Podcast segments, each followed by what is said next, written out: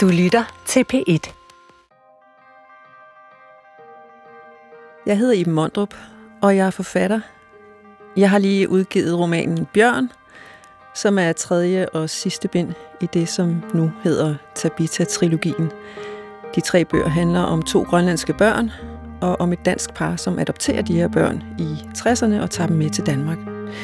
Og det skal blandt andet handle om Grønland i den her samtale, som vi to skal have. Gudrun Hasle, velkommen. Mange tak.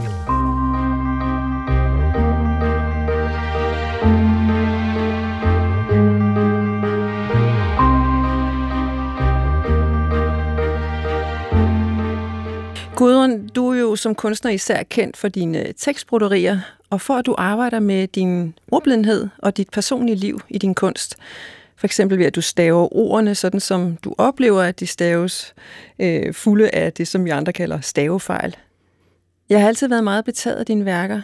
Måske mest af alt for dit mod til at røre ved det, som jeg kalder smertenspunkter.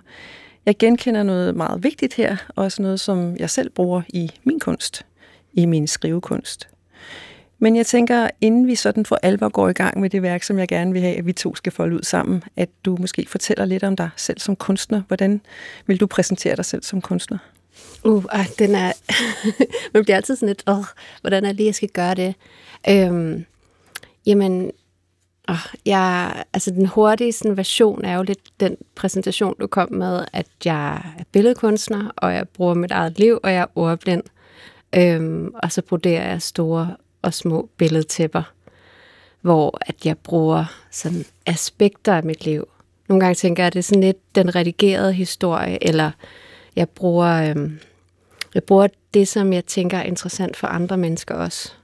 Øh, fordi der er jo ikke noget spændende ved at sidde og drukket kaffe og haft en god dag og smilet til min mand. Øh, men jeg prøver at finde eller sætte ord på måske nærmest, jeg prøver at diagnostisere nogle af de svage punkter i vores liv og vores samfund. Nogle af de ting, vi gør ved os selv mm. og gør ved andre. Nogle af de krav, vi stiller til os selv og til andre, øhm, som vi måske ikke er bevidste om. Der prøver jeg at lave sætninger og billeder på nogle af de dele. Øhm, og så bruger jeg mig selv som case, fordi jeg altid har mig selv ved hånden. Øhm, og også fordi, at jeg vil gerne så tæt på det virkelige liv, men jeg har ikke lyst til at udlevere andre. Jeg tænker, det er lettest at udlevere mig selv. Der er flere ting, vi har til fælles. Dels det her med at tale om smertenspunkter, eller fortælle om dem. Jeg fortæller også om smertenspunkter, men jeg har rykket dem ud fra min egen krop, øh, især i den her trilogi, som handler om Grønland. Eller det vil sige, jeg fortæller jo både om grønlandske børn, men så også om danskere i Grønland. Og lige netop det der med at være dansker i Grønland, det er en anden ting, vi har til fælles. Fordi øh, øh, du har været i Grønland en periode, det har jeg også, men for nu at starte sådan helt fra, fra da vi var små. Jeg har været barn i Grønland, men du har været dansk barn i et andet land også. Du, mm. nemlig, du har haft nogle år i Thailand. Ja. Vil du ikke fortælle ganske kort om det? Jamen, jeg flyttede til Thailand, jeg tror, jeg var omkring fem år. Mm. Så boede vi der i lidt over to år. Øhm, og det var jo, det er jo en helt, altså, det, man er selvfølgelig sådan flyttet fra sit, sit, sit hjemstavn og fra det, man kender. Øhm, men der er to virkelig forskellige ting ved, ved forskel mellem Thailand og Grønland. Det er, at Thailand har aldrig været besat. Så Thailand har en stor stolthed og har ikke noget problem med hvide mennesker, hvor hvis du kommer til Vietnam eller Kambodja eller andre steder, der har været, været taget af andre lande, så ser de på, på hvide mennesker på en anden måde. Mm. Så Thailand er på den måde et ret let land at rejse i, hvis man er sensitiv, fordi man, man der oplever man ikke den... Øhm, den, ja, det er svært at forklare, men den, der er en, en lille smule vrede, en lille smule sorg, eller, eller en, øh, et, et mindre værd, som jeg tror kommer til udtryk i andre lande, hvis de har været taget af andre lande. Hvis de har været koloniseret. Ja, hvis de har været koloniseret. Ja. Ja, for jeg har jo været barn i Grønland ja. øh, fra jeg var tre, og så faktisk til jeg er 18. Øh, og det er jo sådan hele min opvækst, jeg har haft i det der samfund, hvor jeg har mm. været, hvad kan man sige, en minoritet. Ja. Det var I vel også. Ja. Kan du huske, hvordan det føltes som barn at være øh, anderledes end de andre og se anderledes Altså det sjove er, at jeg har faktisk gemt to Barbie-dukker. Jeg tror, det er det bedste eksempel, fordi de to Barbie-dukker er selvfølgelig asiatiske. Ja, okay, fordi det rigtigt. at i mine øjne var det smukkeste, altså mit skønhedsideal, da jeg var barn, det var asiatisk. Ja. Og det er meget sjovt, fordi så er jeg jo ikke stereotypical Barbie, øh, fordi det burde jo vel være med lyst hår. Men jeg synes, de smukkeste, og det var jo alle de mennesker, der var omkring mig. Vi havde en, øh, vi havde en tjenestepige også. Øhm, de var jo tegkvinder, så for mig var det jo det smukkeste, man kunne være. Og det tror jeg, det tror jeg er det eneste ligesom, eksempel på det. Ellers så følte jeg jo mig jo forkælet, fordi at jeg havde de der lyse hår og blev nede lidt i kinderne, og min mor kunne, hvis hun ikke vidste, hvad hun skulle gøre, man kunne bare sætte mig i en damefrisør, og så sad det og ret mit hår, fordi de synes, det var sjovt, at jeg var lyshåret. Øhm, så det er sådan lidt, jeg tror, lidt en anden verden på den måde. Bortset fra faktisk, så husker jeg også som barn, at, øh, at være misundelig på dem, der havde sort hår, og mm. være misundelig på dem, der var grønlandske. Ja. Og det handlede i virkeligheden mm, måske ikke så meget om, om skønhed, men, som, men mere om, som barn gerne ville være som de andre. Ja, det er den der øh, spejling. Og det ja. synes jeg nogle gange er meget sjovt at tænke på, om vi faktisk har oplevet den. Ja. Men det vil sige, at vi har de her barndomserfaringer, som mm. er fælles. Jeg har godt nok, hvad kan man sige, boet i Grønland i flere år, end du mm. boede i Thailand, men på et tidspunkt, så, så beslutter du og din familie at flytte til Grønland. Øhm, og det er blandt andet det, som det værk, som jeg gerne vil ind på lige om lidt, handler om. Men kunne du, kan du fortælle mig kort, hvorfor vælger I at flytte til Grønland, øh, altså, det, hele familien? Det var og hvornår? Jo, Ja, hvad er det? det? Hvad er det 2018, jeg tror, vi ligesom tog afsted, og han fik job.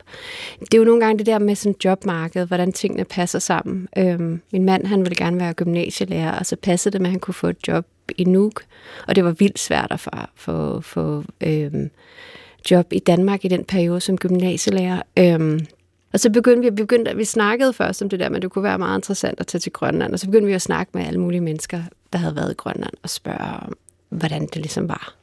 Øhm, og så tror jeg også, det var sådan et behov for at komme helt væk og prøve noget helt andet. Øhm, og ture og gøre nogle ting. Men det var også, altså, det var også med hjertet i, sådan, i halsen, da vi tog afsted, fordi man tager jo de der unger og flytter dem ind i en ny verden. Øhm, og jeg tror først lige omkring, det var jo først, altså, det var nærmest først efter vi var kommet der til, der for alvor begyndte at komme den der samtale omkring kolonisering og synet på kolonisering, øhm, og det, en anden bevidsthed. Øhm, altså, jeg, var, jeg kan huske, jeg var meget nervøs for, om folk, altså, hvor meget hader grønlænder og danskere. Det, jeg nåede virkelig at tænke det, før jeg kom afsted. Og samtidig havde jeg også sådan et kæmpe, kæmpe, jeg var så flov over, jeg altid havde syntes, alt hvad der handlede om Grønland bare var røvsygt så jeg havde overhovedet ikke sat mig ind i Grønland, før vi ligesom tager en eller anden helt vild beslutning om at flyve afsted. Øhm, så jeg havde super dårlig samvittighed. Øh, både altså for mit lands, på mit lands vegne, og, og så også det der med, at jeg faktisk aldrig har taget stilling til det, fordi det var stort og kompliceret og lidt kedeligt. Hmm. Øhm, og handlede om penge, og det var lidt deprimerende det hele. Øh, og så fik jeg jo altså min livs gave, der er nærmest landet i Grønland, synes jeg. Hmm.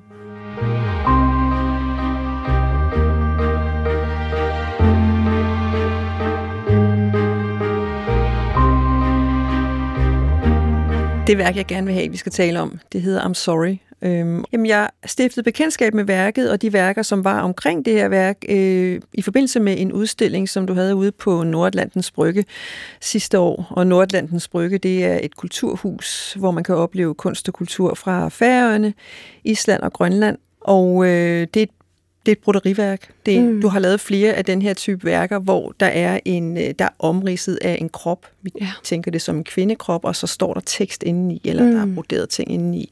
Øh, og lige netop det her værk øh, er fuld af undskyldninger simpelthen, som du har broderet med sådan en ret lille skrift. Øh, og det er et meget intenst værk. Vil du prøve at beskrive værket? Ja, det er, det er sådan, det har nogenlunde min størrelse. Øhm, og så har jeg tegnet det i frihånd. Så det er ligesom baseret på, hvordan jeg ser mig selv. Så det har en meget, det er sådan lidt, lidt, lidt deform, lidt for lange arme, lidt for stor røv. Øhm, og så er det broderet, jeg tror, fra toppen ned til nærmest midt på maven og ud på hænderne med bitte små bogstaver, hvor der står, hvor det gentager sig. Undskyld, undskyld. Må jeg ikke lige prøve at læse lidt af ja. det op, sådan så vi får en, en, en fornemmelse af det også her? Undskyld for alt. Undskyld, fordi jeg er dansker. Undskyld, fordi jeg kommer fra en nation, der har en koloni, der har flere kolonier.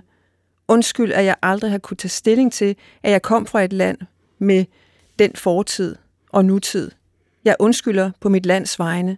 Undskyld for alle øh, de dumme ting, som Danmark har påført Grønland. Undskyld for den ligegyldighed, der har været. Undskyld for min ligegyldighed. Undskyld for de gode intentioner. Jeg undskylder for os og dem. Undskyld. Jeg undskylder for noget, jeg har sagt, eller noget, jeg kommer til at sige. Sorry for everything. Sorry for being a Dane. Undskyld, jeg er så dårlig til sprog. Sorry, I apologize. Undskylder, undskyld, undskyld, undskyld. Udoqatirpunga, udoqatirpunga, udoqatirpunga. Undskyld, undskyld, undskyld, og så kører den jo bare derned af. Mm. Øh, og det, det er lidt ligesom den her krop, den er både enormt mm. stor og fuld af undskyldninger, og samtidig så, så prøver den ligesom at, at, at for, altså forsvinde nærmest. Den bliver opslugt af undskyldninger, ikke? Men hvad var det for en følelse, eller hvad var det for en... Jamen, jeg tror, det var sådan en... Det var, altså, det var sådan en... Og det er også sådan en, hvor man kan blive nærmest sådan vred på ens egen øhm, historie. Altså også på ens, altså sig selv, men også på ens lands vegne. Fordi det, jeg kom der op i en periode, hvor at der stadigvæk var den der en eller anden form for ligegyldighed, en eller anden form for, der altid var... Altså danskere er jo ekstremt racistiske, synes jeg, i deres hverdagssprog omkring grønlandere det er de måske ikke helt så meget mere, men det har de været rigtig meget. Og Grønland har altid skulle beskytte sig selv ved ligesom at gøre grin med sig selv, når de er i Danmark. Og jeg synes, det var sådan en fornemmelse af, at der ikke var nogen, der ville påtage sig. Vi vil ikke, jeg vil, man vil ikke påtage sig det, det traume, man har påført et land på alle mulige forskellige måder. Øhm, og jeg tænker, når man, altså, det kan godt være, det er bare sådan mig, men jeg tænker, når man påfører nogen skade, så påfører man jo også sig selv skade. Mm. Og det var, det var på en eller anden måde, jeg vil gerne have den indspejling, fordi jeg tror, at altså, et, ligesom hvis en, en, en mand begår et overgreb mod en kvinde, så vil det jo også, der vil altid komme en spejling. I det, du gør noget galt med nogen, gør du også noget galt ved dig selv. Du går man går også lidt i stykker af det. Og det tænker jeg, det tænker jeg vil også på en eller anden måde have med. Mm. Øhm, så jeg tænkte, det var på en eller anden måde en beskrivelse af det indre trauma, som vi er med til at påføre, men der er også på en eller anden måde en spejling af. Jeg ved ikke, om det giver mening. Altså, så det nærmest er traumatiserende, at, at, øh, at, at hvad kan man sige, at overskride andres grænser, eller det, krænke andre? Det, det tænker jeg, det må det være. Det skal det være i hvert fald. Ja, det giver øhm, god mening. Og så tænker jeg, at det var, jeg synes også, det var på tide, at der var en anden, der gad at sige undskyld. Altså, og det er jo så vildt, ikke? Fordi nu kommer der, så kommer der sådan nogle, du ved, halve undskyldninger fra statsministeren, som jeg ikke helt kan forholde mig til. Mm. Øhm, og altså siden da er der jo kommet den ene forfærdelige historie efter den anden. Altså, at man har givet folk spiraler uden at sige det til. Altså, jeg synes bare, der er kommet rullet så mange historier frem siden da. Øhm, og det syn, altså på en eller anden måde det der med, man har jo kigget på folk og umenneskeligt gjort dem, for at kunne opføre sig så grimt over for dem, som man gjorde. Øhm, det synes jeg på en eller anden måde, man skal komme med en ægte undskyldning for. Fordi der er jo forskel på undskyldninger i min verden. Mm. Der kan være, altså det er jo sådan en, hvis, hvis, der, hvis der er en eller anden øhm, firma, der laver en eller anden skandale, så kommer der en PR-person og siger, prøv at høre, du skal bare lægge dig fladt ned, fordi så lukker vi historien. Og det synes jeg også, det, sådan skal man jo ikke gøre det. Man skal jo ikke lægge sig fladt ned og sige undskyld på den måde. Man skal påtage sig undskyldning, men man skal også påtage sig det trauma, man har begået mod sig selv og mod de mennesker, man har begået det mod. Altså det er sådan en... Så jeg havde behov for, at det var en ægte undskyldning. Altså det, som det gør ved mig, det her mm. værk, det er, at det på en eller anden måde øh, taler fuldstændig ind i en oplevelse, som, øh, som jeg har haft sådan stort set gennem hele min opvækst. Jeg har de første år, hvor jeg boede i Grønland øh, som barn, der øh, spekulerede jeg ikke over, at jeg var et dansk barn. Altså, jeg var bare et barn sammen med de andre børn, og vi talte grønlandsk sammen i det her lille samfund, hvor vi boede. Øh, og øh, vi talte også dansk sammen. Vi var bare børn. Og så kom vi i skole og blev skilt ad øh, i danske i dansksprogede klasser og i grønlandsksprogede klasser. Og det betød ligesom, at, øh, at der, der kom sådan en... Vi blev organiseret som øh, forskellige børn. Og, øh, og det betød rent faktisk, at fra den dag holdt vi også nærmest op med at lege med hinanden. Øh, og øh, op igennem min opvækst har jeg selvfølgelig kunnet mærke, hvad det har gjort ved mig, øh, fordi når man ikke har noget med hinanden rigtigt at gøre, selvom man bor tæt sammen, så, så opstår der sådan en underlig afstand, og i den der afstand, der begynder man at lave historier om hinanden, og man kan demonisere hinanden, og man bliver fremmedgjort simpelthen mm. over for hinanden, fordi, ja, fordi der man bliver ikke sådan også dem. Det er bare også dem, ikke? Ja. Øhm, og det bliver så forstærket af, at ja, lige netop i vores tilfælde, der var de danske børn, de var jo de privilegerede børn, mm. og de grønlandske børn var, havde ikke de samme privilegier, som, som vi havde. Øhm, men det var faktisk først, da jeg blev teenager, at jeg sådan for alvor forstod at sætte ord på, hvad det var, og hørte om, og sådan lærte om, hvad var kolonisering, og hvad var imperialisme, og alle mm. de her ting. Ikke? Og lige pludselig gik det bare op for mig sådan, at wow, jeg er jo dansk, øh, og det vil sige, jeg, jeg, jeg tilhører jo sådan set de forkerte. Ikke? Øhm, jeg og det, det gav mig en enorm skyldfølelse, og faktisk også en meget øh, stor trang til på sådan et ubevidst plan at sige undskyld. Mm. Øh, og jeg tror faktisk, at altså, de, de der ungdomsår, som jeg havde, også da jeg flyttede til Danmark, jeg brugte utrolig meget energi på, og øh, sådan at være vred over dansk politik. Og øhm, da jeg flyttede til Danmark og sådan skælde ud på alle dem, som blev ved med at tale om, at om, Grønland havde aldrig været en koloni, du ved. Øh, jeg havde sådan nogle diskussioner med mine skolelærer, ikke? Og, altså, og jeg var vred på de der danske jævnaldrende, fordi de ikke fattede en skid, og de anede ikke noget om Grønland, og det var meget ensomt. Lad ja. mig sige det sådan, at flytte alene til Danmark uden familien, og så bare være sådan et stort forsvarsværk. Og jeg tror på et tidspunkt gik det op for mig, at øh, den der skyldfølelse, jeg kunne simpelthen ikke bruge den. Øh, den var jo komplet udslættende. Ikke? Og det er lidt det, jeg oplever, den der, når jeg læser eller ser det her værk, det er, det fylder enormt, øh, og det er spørgsmålet af, hvad man skal bruge den der skyldfølelse til, fordi dele af den er jo sådan set reelt nok i den forstand, at man er jo del af en kultur. Jeg er en del af en kultur. Men hvad kan jeg gøre ved det? Øhm, og for mit vedkommende har det jo så handlet om at øh, tale om den dansk-grønlandske historie. Det er det, jeg skriver om. Mm. Øh, og lige netop i den seneste bog, som jeg lige har udgivet nu, den der hedder Bjørn, handler det jo faktisk om at ville give en undskyldning.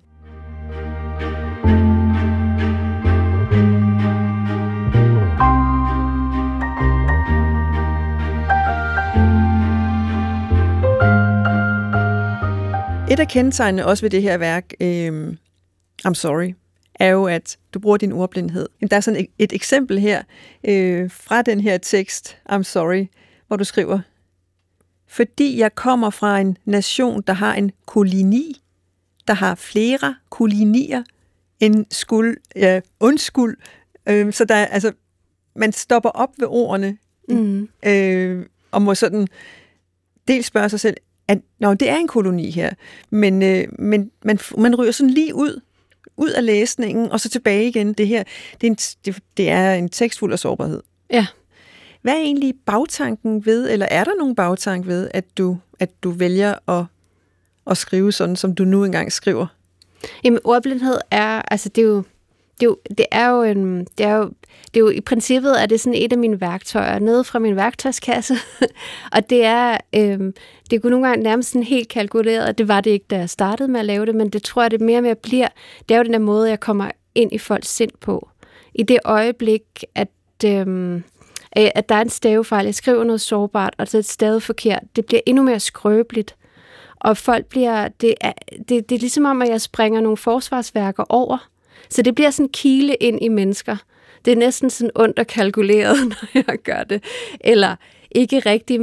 Måske er det også noget, at jeg stiller mig selv mere sårbar, og det gør, at folk ikke behøver at være så, så, så mister de noget af deres egen. Altså, jeg tror, hvis jeg havde skrevet hele den undskyldningstekst fuldstændig uden stavefejl, måske havde den virket kold og ufølsom. Øhm, men der er noget med det der, det er jo også det der med kunst og fejl. Altså det der dogme, man kan bygge op, hvor man lader fejlene stå. At der sker noget, der sker et eller andet mærkeligt kunstnerisk i det øjeblik, at man lader fejlene være. Øhm, som gør, at man kan komme ind i folk på en anden måde, eller det gør, at der kan opstå noget, man ikke har overhovedet kontrol over. Jeg har ikke kontrol over, om folk læser, om de har ovenikøbet læser ordet forkert, men måske er det små gaver, der kommer fra universet. Øhm, så ordblindhed er ja, en, en, et vigtigt værktøj for mig, som jeg ikke vil være for uden. Men var det et værktøj, som, som du fik respons på i Grønland? Ikke, ikke som sådan. Det tror jeg ikke, fordi, jamen altså, jeg nu prøver at finde ud af en måde at beskrive det på, fordi det skal ikke lyde som om, at jeg ser ned på det. Jeg gik rundt, øh, jeg boede i blok 9, og der er her meget graffiti op og ned opgangene. Altså der, de, jeg tror aldrig, de er blevet malet nærmest siden, at de blev bygget. Og der er, jeg elsker den måde, at Grønland skriver, skriver på dansk, fordi det er noget med sådan ordstillingen, og den bliver sådan helt, den bliver sådan, du ved, den bliver sådan helt, øh, den bliver nærmest sådan knivskarp, fordi alle mellemtingene er fjernet. Øhm, så jeg tror, jeg tror ikke, øh, jeg tror ikke, det var noget, Grønland har oplevet rigtigt, men, men det er jo stadigvæk, altså, jeg tror mere, jeg lærte noget af deres sprogbrug, end, end at de, jeg tror bare, de tænkte, nå ja, så, sådan skrev hun jo bare. Altså, det der dans, det er sgu også lidt noget mærkeligt noget. Hvor er det sjovt at tænke på. Jeg tænker også øh, på, i mine bøger, der bruger jeg jo grønlandske ord og grønlandske sætninger, og en af bøgerne fransk, selvom jeg ikke taler fransk mm. overhovedet. Øh, og, øh, og det og jeg er faktisk ret vild med den hvad hedder det, reaktion, som jeg får på det. Jeg får meget, mange forskellige reaktioner fra mine læsere. Nogle synes, det er meget eksotisk, det her med det grønlandske, og det er nogle flotte ord. Og især når jeg læser dem op som lydbøger, det, mm. det er mig selv, der har indlæst lydbøgerne, så, så er der sådan noget, så kommer folk og siger, det er jo ligesom sådan, det, det giver sådan et krydderi eller en flavor. Men, men der er også nogen, der har det sådan, at, det er, at de føler sig ekskluderet, simpelthen, at de, de, kan ikke, de kan ikke abstrahere fra, eller de bliver kastet ud af teksten. Mm. Og, jeg, og jeg bruger det nemlig også som sådan en, en form for reference til den opvækst, jeg har haft, som er øh, i et tosproget samfund, hvor vi var øh, danskere, som simpelthen nærmest ikke fik undervisning i grønlandsk, fordi vi skulle alligevel bare rejse igen jo. Mm. Øh, og børnene fik heller ikke undervisning i grønlandsk, fordi jamen, hvad skulle vi bruge det til? Det var jo vigtigt, at vi ligesom kunne sprede det danske blandt de grønlandske mm. børn. Ja. Øhm, så grønlandsk blev sådan en slags støj, ja. eller en slags øh, en anden form for lyd, som var i vores øh, verden. Øhm, og det er, jo, det er jo helt vildt at tænke på, at et helt sprog og en hel verden med al den viden, der er i mm. sprog, at den, at den har vi simpelthen holdt os... Øh, dels har vi været udelukket fra den, og vi har heller ikke forsøgt at komme ind i den. Mm. Øhm, og det er sådan lidt det, som mine læsere oplever nu, når det er, at de ikke forstår, så føler de sig ekskluderet, og det er jo lidt noget andet, øh, end, end jeg oplevede, da jeg var barn, men som jeg jo som voksen jo har konstateret, jamen der er jo tale om en, en ekskludering, når det er, man ikke forstår. Men altså, så tænker jeg også bare, så kan man lære det. Ja, selvfølgelig. Nej, det, det, jeg mener med, så man kan man lære det, fordi hvis du tænker på, hvor mange grønlænder, der har siddet og hørt på to danskere, der var brrrt afsted. Vi har jappet afsted med kæmpe store lange ord, og de har ikke haft en, en, altså en chance for at kunne, kunne følge med. Øhm, så det er jo igen det der med, altså, at man skal læne sig tilbage, eller man skal lige tænke sig om, hvad er det for en perspektiv? Hvis du føler dig ekskluderet, er der andre, der så prøver, føler sig ekskluderet i dit selskab. Mm.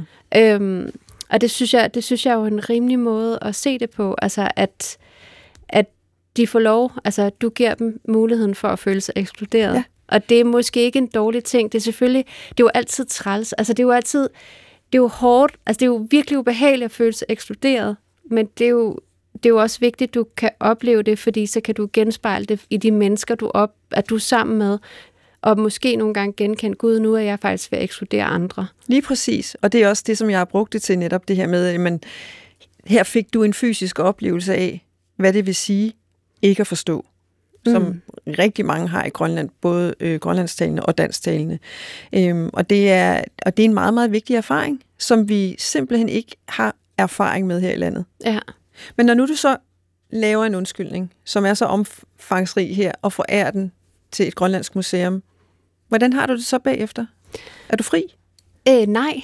Nej, det tror jeg ikke. Altså, fordi man er jo ikke, man er jo ikke fri. Altså, jeg synes overhovedet ikke, jeg er fri, men jeg tror, det var et behov, der på nogen måde blev stillet.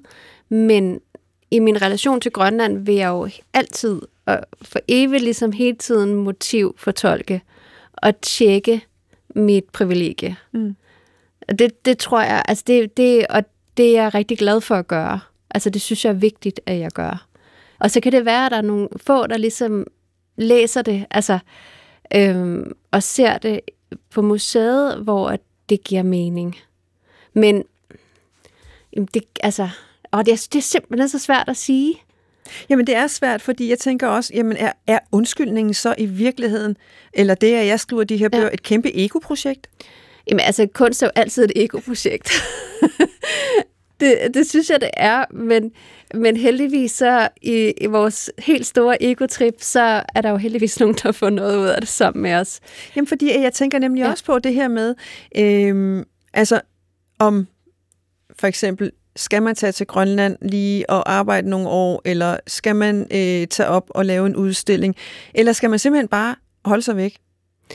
Øh, nej, altså det vil jo være, jeg tænker, at landet har jo ligesom alle andre lande brug for udveksling. Øhm, og lande vokser jo bedst ved, at der kommer rigtig mange forskellige mennesker til, med forskellige historier, med forskellige liv og forskellige perspektiver. Så det ville være frygte for Grønland, hvis det blev totalt isoleret, eller at det kun vil snakke med USA. Eller, altså, jeg tror ikke, man skal ikke holde sig væk på den måde, men man skal bare huske sit blik, når man er der, og vise den respekt. Altså, øhm, Altså det, det, det tror jeg ikke, det synes jeg ikke. Jeg kommer stadigvæk til Grønland indimellem. Jeg er så heldig, at jeg får lov indimellem så tager jeg op og laver et kunstprojekt med nogle unge et eller andet sted i Grønland, som jeg kommer altid hjem og er totalt opfyldt. Altså, og det er en kæmpe stor gave at møde de unge mennesker. Øhm, altså, og jeg, det, jeg arbejder meget med, det er at, at i tale sætte følelser. Øhm, og det er, det, det, altså, som alle andre steder, så er det en rigtig god øvelse for unge mennesker at øve sig i at, at i talsæt følelser. Øhm, så jeg får en gave, når jeg kommer til Grønland, og det forhåbentlig så efterlader jeg også noget derop, som er godt. Det lyder rigtig, rigtig fint, og faktisk også det her med, altså hvis man kan komme ned under undskyldningen, og så mødes og udveksle. Øhm, og det projekt, du taler om her med følelser, det, det giver så utrolig god mening. Altså jeg lavede, øh, jeg lavede en soloudstilling på Nuuk Kunstmuseum, øh, hvor jeg skrev min livshistorie. Det var sådan ikke helt første gang, men det var nærmest den første gang, hvor jeg skrev, brugte 14 dage på at skrive hele min livshistorie på væggen. Og, der, øh, og så lavede jeg en masse andre små værker, øh, der handlede bare om fuldstændig hverdagsfølelser. Og der, var det, der havde jeg en lang snak med, med direktøren på museet, om det der med, jamen jeg skulle ikke lave noget, der handlede om Grønland som sådan, fordi det, Grønland gider sgu da ikke hele tiden at høre om sig selv. Især ikke fra en dum dansker. Der giver det jo bedre mening, at jeg kommer med min egen historie, og fortæller den, fordi så kan de være med og bedre med til at se deres egen historie. Altså, det er det der med, jamen, hvad er det for nogle spejlinger, du har lyst til at lave? Hvis du bare snakker om dem, så ser du måske ned til, altså, det er det der med, snakker du med dem om dem, eller snakker du om dig selv med dem? Altså, der, det, det gav meget bedre mening. Mm.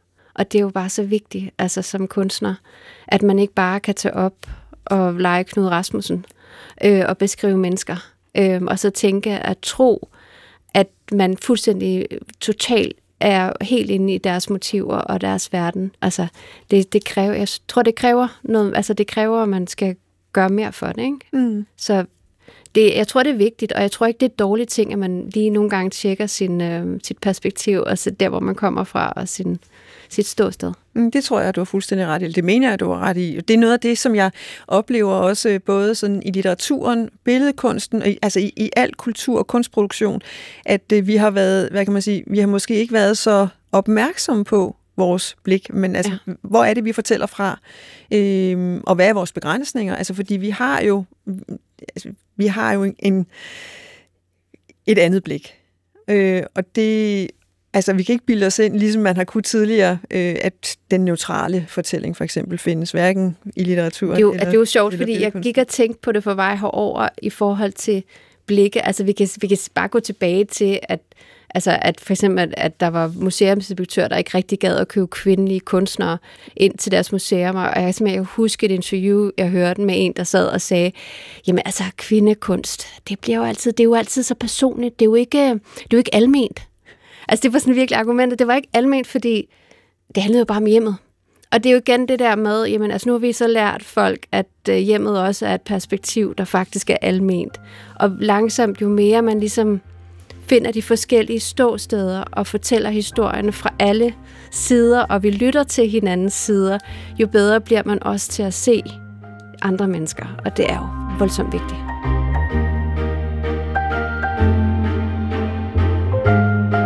Jamen Gudrun, jeg vil sige tak, fordi du ville komme her og åbne I'm Sorry-værket for mig og for lytterne, og øh, sætte det i perspektiv til Grønland, og i perspektiv til undskyldninger generelt, og så selvfølgelig også til dit arbejde i øvrigt.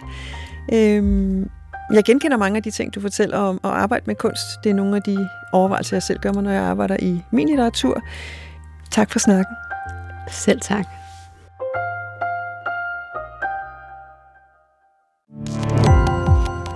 Gå på opdagelse i alle DR's podcast og radioprogrammer. I appen DR Lyd.